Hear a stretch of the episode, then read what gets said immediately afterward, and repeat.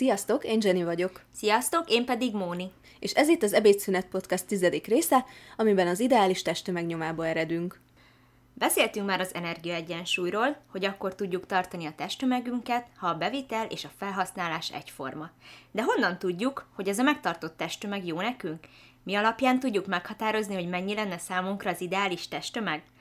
A mai epizódban körbejárjuk a témát, és olyan módszereket fogunk bemutatni, amivel bárki egyszerűen otthon is fel tudja mérni, mennyire közelít a számára ideális testtömeghez, illetve elmondjuk a különböző módszerek előnyeit és hátrányait is. De először beszéljünk arról, hogy miért is probléma az, ha testtömegünk eltér az ideálistól. Májusban tele volt a közösségi média és a hírportálok azzal, hogy Magyarország az első helyen áll az Európai Unióban az elhízás tekintetében, sőt, világszinten is negyedikek vagyunk.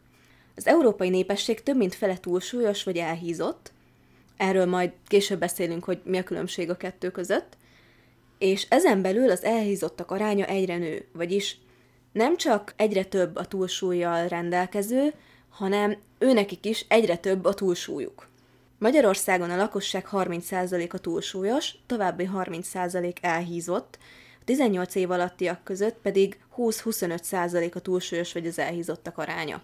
Azt viszont azért érdemes megemlítenünk, hogy ugye a média másik feléről pedig azt halljuk, hogy mindenki szeresse önmagát úgy, ahogy van, elfogadás, szeretet, minden, és ez nagyon szép, nagyon egyetértünk vele, mindenki fogadja el magát. A narancsbőrével, a striáival, a szeplőivel, a hajszínével, a szemszínével, az orformájával, bármivel, de a testtömegről azért fontos beszélnünk, mert itt nem a kinézet a lényeg, hanem az, hogy ezzel az egészségünket tudjuk veszélyeztetni, hogyha az ideális testtömegünkhöz képest jelentős túlsúlyjal rendelkezünk, vagy jelentős testtömeg hiányjal, tehát kóros soványság lép fel. Az elhízást már önmagában betegségként határozta meg a WHO. Az USA-ban 2010-ben 3,4 millió haláleset volt visszavezethető az elhízásra. A túlsúly és az elhízás növelik más betegségek kialakulásának a kockázatát is, ilyen például a kettes típusú diabétesz, a köszvény, a szívérrendszeri megbetegedések, a magas vérnyomás, de a daganatos megbetegedések kialakulásában is szerepet játszhat. És ahogy már említettük, az sem jó, ha a másik irányba térünk el az ideális testtömegtől, azaz, ha alultápláltak vagyunk. Ebben az esetben ugyanis fokozatosan kiürülnek a szervezet tartalékai. Egy ideig kompenzál, de a végsőkig nem képes rá, felborul a hormonháztartás, a cukorháztartás, és a végén akár halált is okozhat. Azokat a módszereket, amikről most beszélni fogunk, összességében tápláltsági állapotot felmérő módszereknek nevezzük. Tulajdonképpen ezeknek az a céljuk, hogy a test méretét és a test összetétel arányát meghatározzák. A legismertebbek ezek közül a testarányok vizsgálatán alapulnak, ilyen például a testmagasság és a testtömeg arányát vizsgáló módszerek, vagy például ide tartozik az, ahol a derék és a csípőkörfogat arányát nézzük. Ezekkel fogunk kezdeni.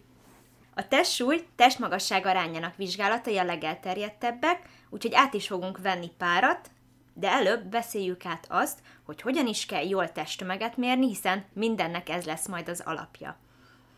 A testtömegmérést fontos, hogy mindig azonos időben, ez optimális esetben reggel van, azonos ruhában, vagy ruha nélkül végezzük, azután, hogy minden reggeli tevékenységünket elvégezzük a fürdőszobában, mind a kis, mind a nagy dolgokra gondolva, ez a testtömegmérés legyen evés és ivás előtt, és általában heti egyszeri mérésnél nem érdemes többször elvégezni, hiszen valamennyi ingadozás napról napra azért teljesen normális. Így feleslegesen megijesztenénk magunkat azzal, hogy most hisztam, most fogytam, most megint hisztam, most megint fogytam, úgyhogy sokkal jobban látni egy ilyen heti tendenciánál ezt, hogy milyen a mégis a változás.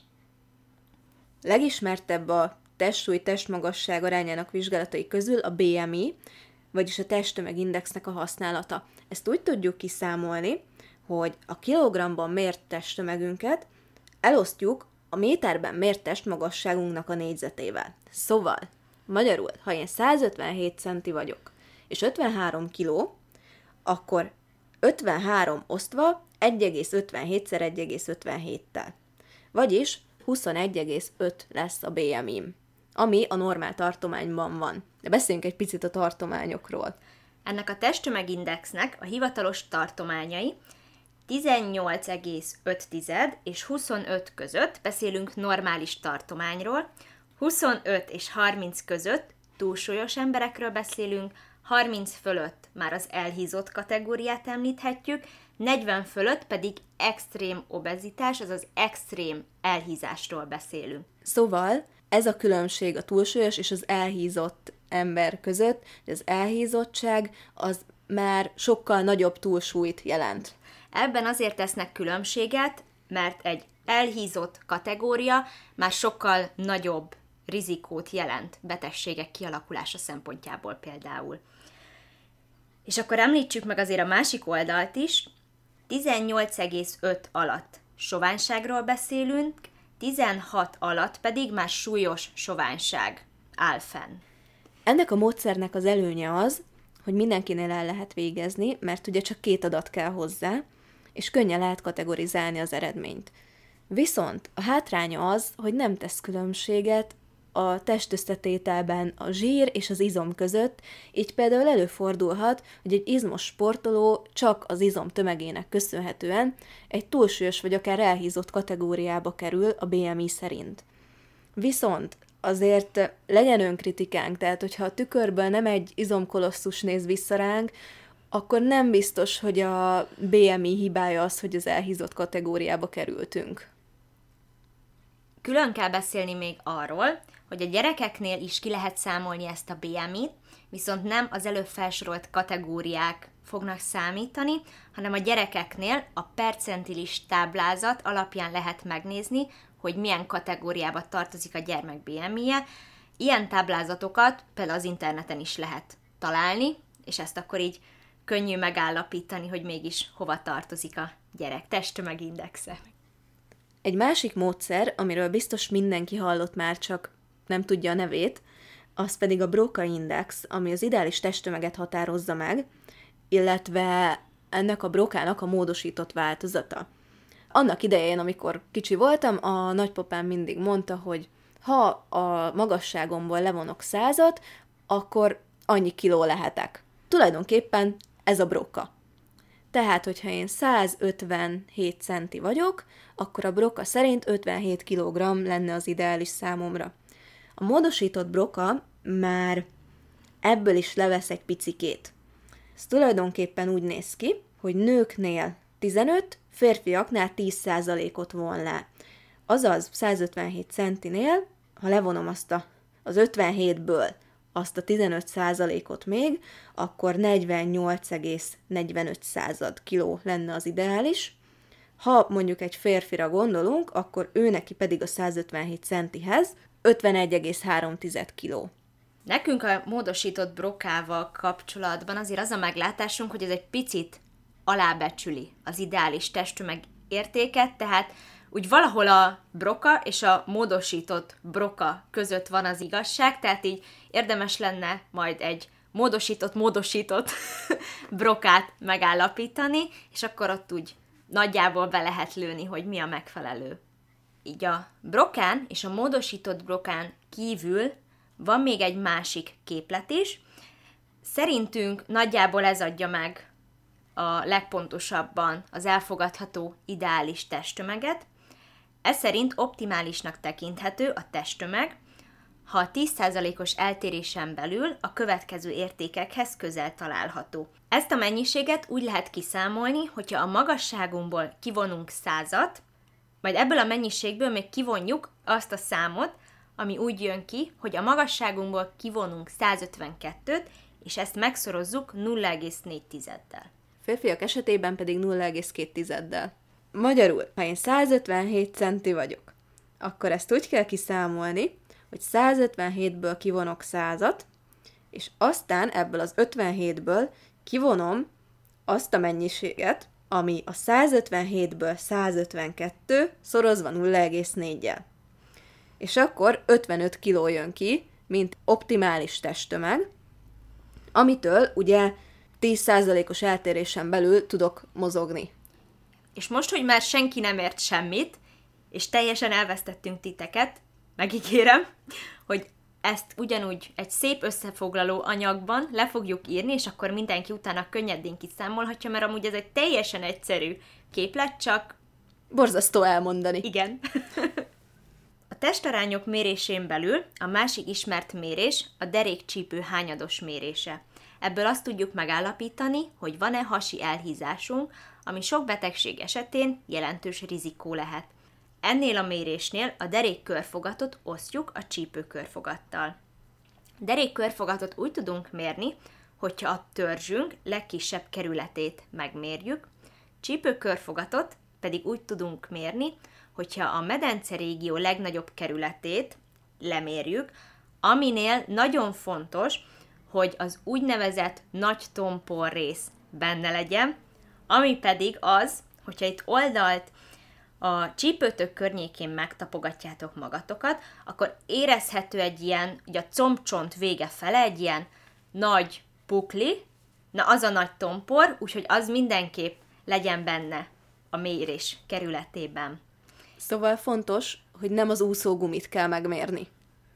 Mérés közben minden esetben a mérőszalag legyen egyenes, ne csúszson el semmilyen irányba, és ne szorítsátok meg túlságosan, de ne is hagyjátok nagyon lazán, hanem úgy pont egy ilyen közepes mértékben legyen feszes a testeteken. Hasi elhízásról akkor beszélünk, férfiaknál, ha 0,95 fölött van ez az érték, ez a derékcsípő hányados, nőknél pedig 0,8 fölött van. Például, ha nekem mondjuk 64 centi volt a derékkörfogatom, és 83 a csípőm, akkor 64 osztva 83-mal az 0,77, tehát nőként 0,8 alatt vagyok, szóval a normális tartományban. Ezzel egyenértékű a haskörfogatmérés, ami a szív- és érrendszeri betegségek rizikóját jelezheti, mint már említettem. Ezt a csípőcsont felső széle és a bordák alsó széle közötti rész felénél mérjük, ami nem biztos, hogy pont a köldökünknél van, de normál esetben nagyjából az a régió szokott lenni. Nőknél a has körfogat felső értéke 80 cm, férfiak esetén 94 cm, és abban az esetben, hogyha nők esetén 88 cm feletti ez a haskörfogat, férfiak esetén pedig 102 cm, akkor ez már jelentős kockázatemelkedést jelent a már említett szív- és érrendszeri megbetegedések esetén. Ami egyel fejlettebb módszer és több információt ad, mert több dolgot vesz figyelembe, az a műszeres vizsgálat, amit már otthon is el tudunk végezni saját magunknak. Nem kell uh, semmilyen high-tech dologra gondolni, egyszerűen a testösszetétel mérésére alkalmas eszközökről beszélünk. Ezt nagyon tudományosan bioelektromos impedancia mérésen alapuló testösszetétel becslésnek nevezzük. Bár azért végül is mondjuk vannak ebből nagyon high-techek, azt ne felejtsük el, de ezek azért olyan 5-10 milliónál kezdődnek, tehát az otthoni mérések szempontjából nem ezek lesznek az első számú választások, hanem az ilyen különböző gyógyászati segédeszközboltban kaphatóak. Igen, tehát ez már az átlagember számára is, otthonra is elérhető dolog. Az a lényeg ennek a módszernek, hogy a test különböző szövetei, tehát a csont, az izom, a zsír más víztartalommal rendelkeznek, más az ellenállásuk, ezért máshogy vezetik az elektromosságot, de nem kell megijedni, nem arról van szó, hogy itt áramütésekkel sokkolnánk az embereket, ez teljesen fájdalmatlan dolog. Ezeket az eszközöket például használjuk mi is a kórházban, ott van egy Omron BF 511-esünk, úgy kell használni, hogy szépen, ahogy elmondtuk a testtömegmérésnek a szabályait, tehát az lenne az ideális, hogy reggel, mosdóhasználat után, evésívás előtt, azonos ruhában, annyi a különbség, hogy erre mezitláb kell ráállni, és meg kell fogni egy ilyen kis fogantyút, előtte szépen bepötyögjük hogy milyen magas az adott ember, hány éves, és beállítjuk, hogy nő vagy férfi, és innentől kezdve a gép szépen mér magától. Ez a gép is könnyedén megvásárolható, például egy gyógyászati segédeszközboltban. A méréseknél megkaphatjuk a testtömegértéket, a testtömegindexet, a vázizom és a zsírszázalékot, ezen kívül méri még a zsigeri zsírt és az alapanyagcserénket, sőt, mérés során, amikor ezeket az eredményeket kiadja, akkor már egyből azt is megmutatja, hogy ez az adott érték a normális tartományban van, a normális tartomány alatt található, felett található, vagy nagy mértékben a normális tartomány felett található-e. Úgyhogy ez a módszer már azért jobban képet ad a helyzetünkről. Plusz előnye, hogy például fogyókúránál lehet követni azt, hogy izomból vagy zsírból vesztettünk. A vázizom és a zsírszázaléknál mm, fontos tudni, hogy minden eszköznek megvan a maga saját táblázata, a saját határértékeivel, tehát nem tudunk konkrétan tizedesre pontosan mindenkire megfelelő kategóriákat mondani, mindig az adott eszköznek a használati utasításában kell ezt megnézni, de annyit érdemes tudni, hogy nőknél a testzsír százalék magasabb, mint a férfiaknál, a vázizom százaléknál pedig fordítva, tehát az a férfiaknál magasabb szokott lenni, mint a nőknél. És hogy mennyire meghökkentő adatokat tud egy ilyen megmutatni az ember számára, az onnan látszik, hogy a legutóbb a kórházban az egyik kolléganőnk áthozott egy beteget, akit nem tudott meggyőzni arról, hogy ő már pedig nem csupa izom, és azért ekkora, hanem biztosan van ott zsírtömeg is, amiből jó lenne veszíteni.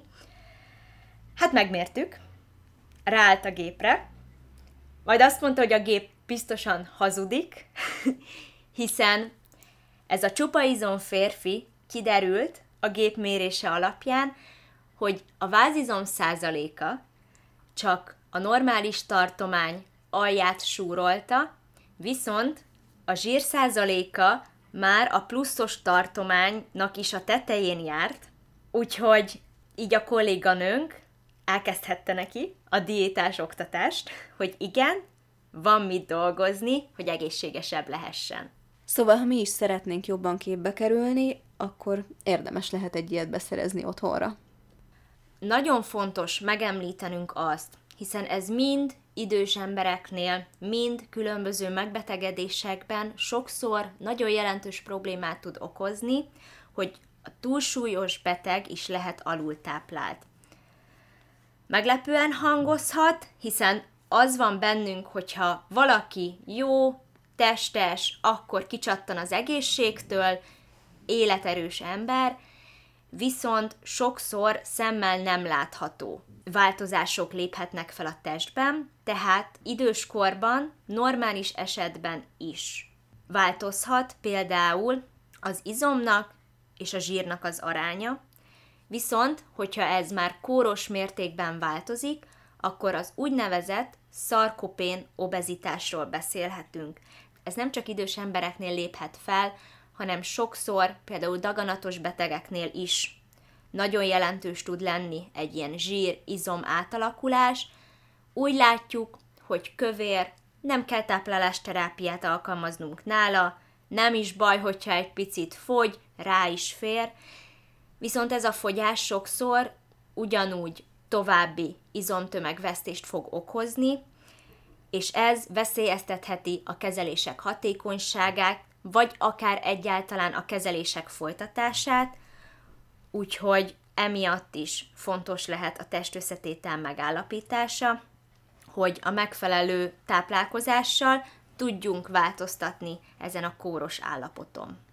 Igen, például képzeljetek el egy elhízott embert, akinek van még valamennyi izma ahhoz, hogy lélegezzen. De nem sok. És aztán elkezdik koplaltatni, mert jaj, hát kövér, úgyis ráfér, nem lesz semmi baja, van miből veszíteni, van tartalék, és aztán elkezd veszíteni abból a kis légzőizomból, ami van neki. Úgyhogy nem, nem mindegy, hogy megnézzük azt a testösszetételt ilyen esetben. Persze, azért ez nem kibúvó, tehát itt most, most, most ne ragaszkodjon mindenki a túlsúlyához, mert mi van, ha, hanem azért van, amikor ott nyugodtan lehet veszíteni abból a testtömegből. Pontosan, tehát itt az a cél, hogy a zsírból veszítsünk, izmot megépítsünk. Igen. Ezt pólóra fogom nyomtatni. Mindenképpen csinálunk majd egy összefoglalót ezekről a számolásokról, képletekről, amiket átbeszéltünk, és akkor az alapján majd könnyedén tudtok otthon számolgatni. Addig pedig kövessetek minket Facebookon, van egy Ebédszünet Podcast hitelesen a táplálkozásról nevű oldalunk, ahol mindenféle extra infót, meg bejegyzést osztunk meg. Van egy Facebook csoportunk is, az Ebédszünet csoport, illetve van egy Insta oldalunk is, ahol például legutóbb egy nagyon szuper szilvás süti receptet osztottunk meg, és hogyha esetleg olyan kérdésetek van, amit nem mertek mások előtt feltenni, akkor írjatok nekünk e-mailt az ebédszünetpodcast.gmail.com-ra. És, ezt végül is szerintem fontos megemlítenünk, hogyha úgy látjátok, hogy bármelyik irányba a számolások után kóros eltérést tapasztalhattok, akkor érdemes lehet szakemberhez fordulni, mert szuper jó tanácsokkal tud segíteni abban, hogy minél többet tehessetek az egészségetekért, és megfelelő, ideális testtömeget tudjatok elérni. Köszönjük szépen, hogy meghallgattatok minket, sziasztok! Sziasztok!